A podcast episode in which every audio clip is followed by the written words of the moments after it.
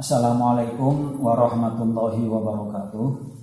Teman-teman sekalian jamaah MCS yang berbahagia Kita sering mendapatkan ya, informasi Satu survei yang mengatakan bahwa Indonesia ini satu negara dengan penduduk mayoritas Islam dengan semangat ya, keagamaan yang tinggi menggebu-gebu sedemikian rupa sangat serius ya, di dalam beragama tapi pada saat yang bersamaan ternyata indeks korupsi kita itu juga termasuk yang uh, tinggi ya. dan juga ya di sisi lain ya, uh, tingkat literasi ya dari bangsa kita masyarakat kita ini termasuk yang rendah survei yang lain bahkan di sektor kehidupan ya, ekonomi itu ya, ketahanan pangan misalnya ya bangsa kita juga eh, termasuk yang rendah bahkan di bawah Ethiopia. Nah ini patut menjadi renungan kita bersama. Ya. Kenapa kemudian semangat keberagamaan yang tinggi menggebu-gebu ya, dan bahkan banyak orang rela ya, bertengkar satu sama lain untuk mempertahankan atau apa membela ya, keyakinan sedemikian rupa tapi paradoknya adalah kualitas kebudayaan kita, kualitas kehidupan kita di bidang literasi, di bidang apa, perilaku dan apa, ekonomi dan seterusnya kita e, merosot. Nah, e, barangkali kita perlu apa, introspeksi ya, di dalam cara kita beragama. Ya. Barangkali ada satu cara beragama kita yang mungkin perlu dibenahi. Ya. Saya ingin mengambil apa satu keteladanan ya. Kalau kita mempelajari para ulama-ulama kita dahulu yang mengajarkan meletakkan dasar-dasar agama itu eh, ada satu barangkali yang hilang ya dari keberagamaan kita hari ini itu soal kearifan ya. soal kebijaksanaan. Jadi orang semangat beragamnya tinggi tapi juga pada saat yang bersamaan kebijaksanaannya itu defisit ya eh, merosot. Jadi antara semangat beragama dengan semangat apa eh, perilaku melahirkan perilaku yang penuh kebijaksanaan ini selalu kok tidak apa eh, seimbang ya ber, berkebalikan ya. Nah ada barangkali kita bisa mengambil satu ayat ya. Surat Al Asr ini ayat yang juga paling terkenal. Bismillahirrahmanirrahim. Wal asri innal insana lafi khusrin illalladzina amanu wa amilus solihati wa tawasaw bil haqqi wa tawasaw bis wal asri ya demi waktu asar. Innal insana lafi khusrin ya. sesungguhnya manusia ini rugi ya. Ini barangkali menggambarkan kita ya hari ini ya. Kemanusiaan kita mengalami uh, defisit ya. Kehidupan sosial politik kita begitu carut marut ya. Uh, alam kita juga penuh apa e, bahaya ya penuh apa kehilangan berkahnya dan seterusnya itu ya. Illal ladzina amanu wa amilu sholihati wa tawasaw bil haqqi wa tawasaw kecuali orang-orang yang beriman beramal soleh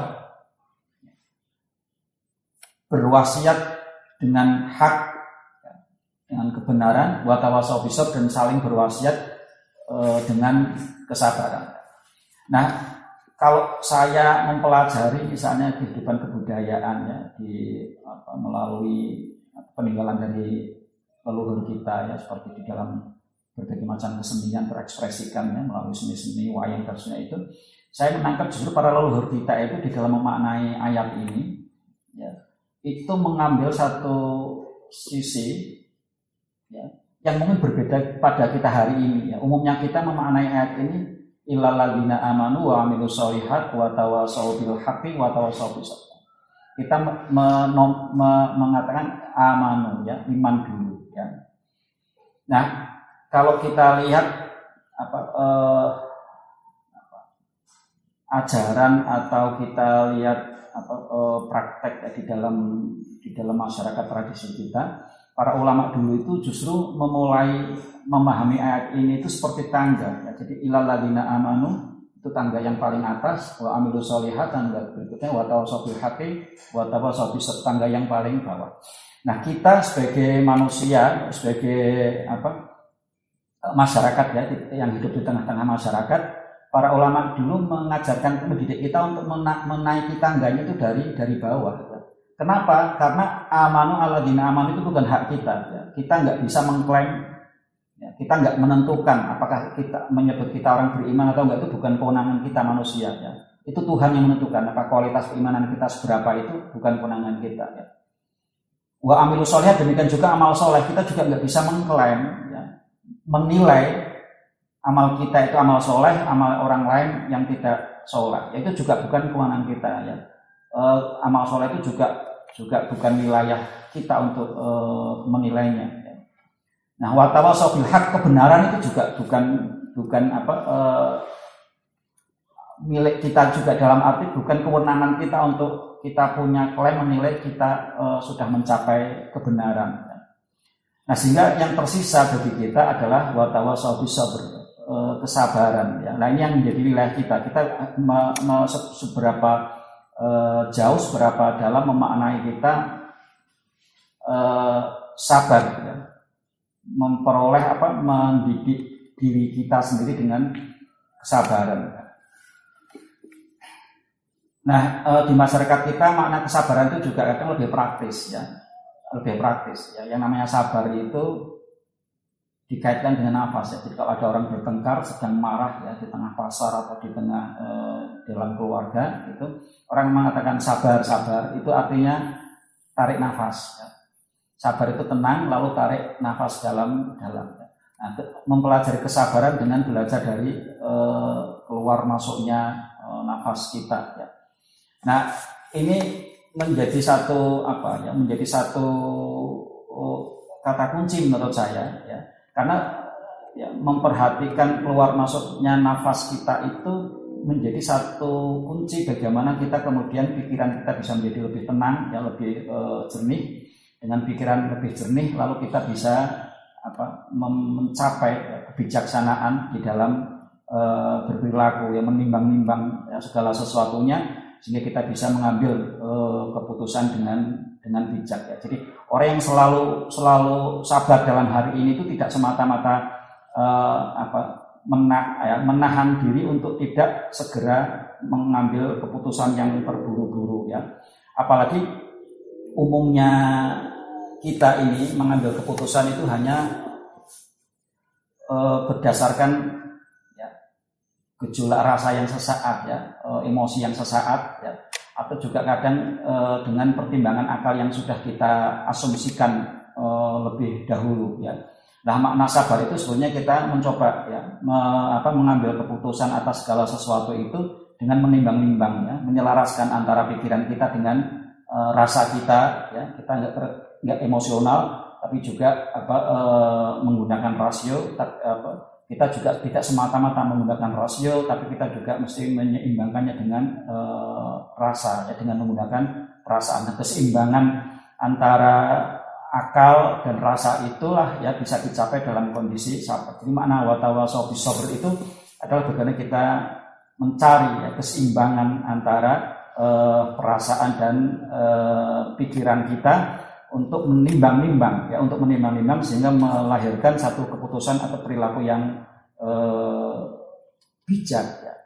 Nah, orang yang kemudian belajar sabar untuk ya melahirkan tindakan-tindakan yang bijak inilah yang yang di dalam apa misalnya lakon-lakon wayang itu itu yang akan mendapatkan bimbingan kepada kebenaran ya Bila melakukan wayang itu para satria yang gemar bertapa, ya, gemar e, merenung, ya, e, tafakur, menyendiri, mengendalikan diri, ya, itu yang akan didatangi oleh para punokawam, oleh Semar, ya, oleh e, dan anak-anaknya itu. Ya. Nah, orang yang didampingi oleh Semar ini adalah lambang dari kebijaksanaan, itu orang yang akan e, dibimbing ya, mengarah kepada kebenaran itu watawasau bilhaq tapi para satria yang yang berangasan, para satria yang apa eh, hanya mementingkan diri sendiri, ya eh, emosional dan seterusnya itu ya perilakunya nggak terkendali itu dia akan dijauhi oleh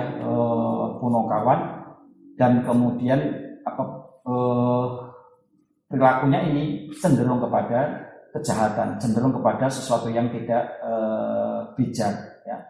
Nah, nah pengendalian diri semacam inilah yang sebetulnya di dalam cara kita beragama yang oleh orang para ulama-ulama dulu itu didahulukan. Jadi di dalam beragama itu mulainya dari membenahi manusianya, ya, membenahi manusianya, ya, tidak apa e, menyadari ya bahwa manusia ini tempatnya salah, ya, manusia ini punya kecenderungan untuk me, menyimpang, ya, manusia ini punya kecenderungan untuk mementingkan e, diri sendiri egois. Nah ini, ini yang masih dibenahi dulu dengan watawa saubis sober ya, watawa saubis sober itu artinya kemudian kita selalu menimbang-nimbang ya dengan dengan pikiran yang dalam, dengan rasa yang yang apa e, perasa gitu ya. Kepekaan gitu ya. Kepekaan kepada suara hati nurani kepekaan terhadap nasib bersama ya. Lalu e, dipikirkan ya dengan cara-cara yang menggunakan ilmu pengetahuan sehingga lahir perilaku perilaku yang bijak karena kebijaksanaan ini di dalam tradisi dilambangkan dengan e, para satria yang selalu bertapa dan kemudian didampingi oleh Semar sehingga dia akan muncul ya menjadi satria, menjadi manusia yang e, perbuatannya itu selalu dibimbingnya watawasau bilhak. Nah orang kalau dah watawasau bilhak dalam bimbingan itu ya ini orang yang kemudian juga akan dibimbing lebih lanjut bahwa perilakunya menjadi meningkat menjadi wa amilus solihat. Nah terus wa amilus solihat kalau ini kemudian konsisten terus itulah yang akan e, dibimbing mendapatkan anugerah ya uh, derajat aman. Ya. Nah, orang yang kemudian tahapannya yang seperti inilah yang kemudian yang nggak akan rugi ya. Jadi kemudian perilaku apa keberagamaannya ini tidak me melahirkan kerugian bagi diri sendiri maupun kerugian bagi orang lain, bagi masyarakat, bagi bangsa, tapi justru menjadi rahmat ya. Innal insana lafi khusrin illal amanu ya. Jadi illal amanu itu kemudian orang yang menapaki jalan dari dari bawah ya. Tidak dibalik ya. Barangkali kemudian semangat agama ini itu kalau sering terbalik. Orang mulainya dari amanu lalu merasa ribut mengklaim di yang beriman, sibuk menyesat-menyesatkan orang lain. Padahal iman itu bukan wilayahnya kita ya. Itu adalah wilayahnya Allah untuk untuk menilai. Kita nggak boleh menilai diri sendiri sebagai beriman, apalagi menilai orang lain sebagai tidak beriman. Demikian juga amal sholat. Jadi kita mesti memulainya e, untuk kita manusia itu dari dari bawah. Seberapa jauh, seberapa dalam kita sadar. Inilah yang apa makna e, apa watawa saubil sobri, watawa saubil habi, ya, kemudian wa amilus solihat, kemudian menjadi alladzina manu ini anugerah Allah. Inilah yang tidak akan rugi menurut apa e, surat Al-Asr. Ya. Nah, jadi eh, teman-teman sekalian ya, wal asri ini juga para mufasir ya, ya memaknai asar itu tidak semata-mata waktu asar atau menjelang maghrib ya, saatnya evaluasi manusia akan menjelang malam ya.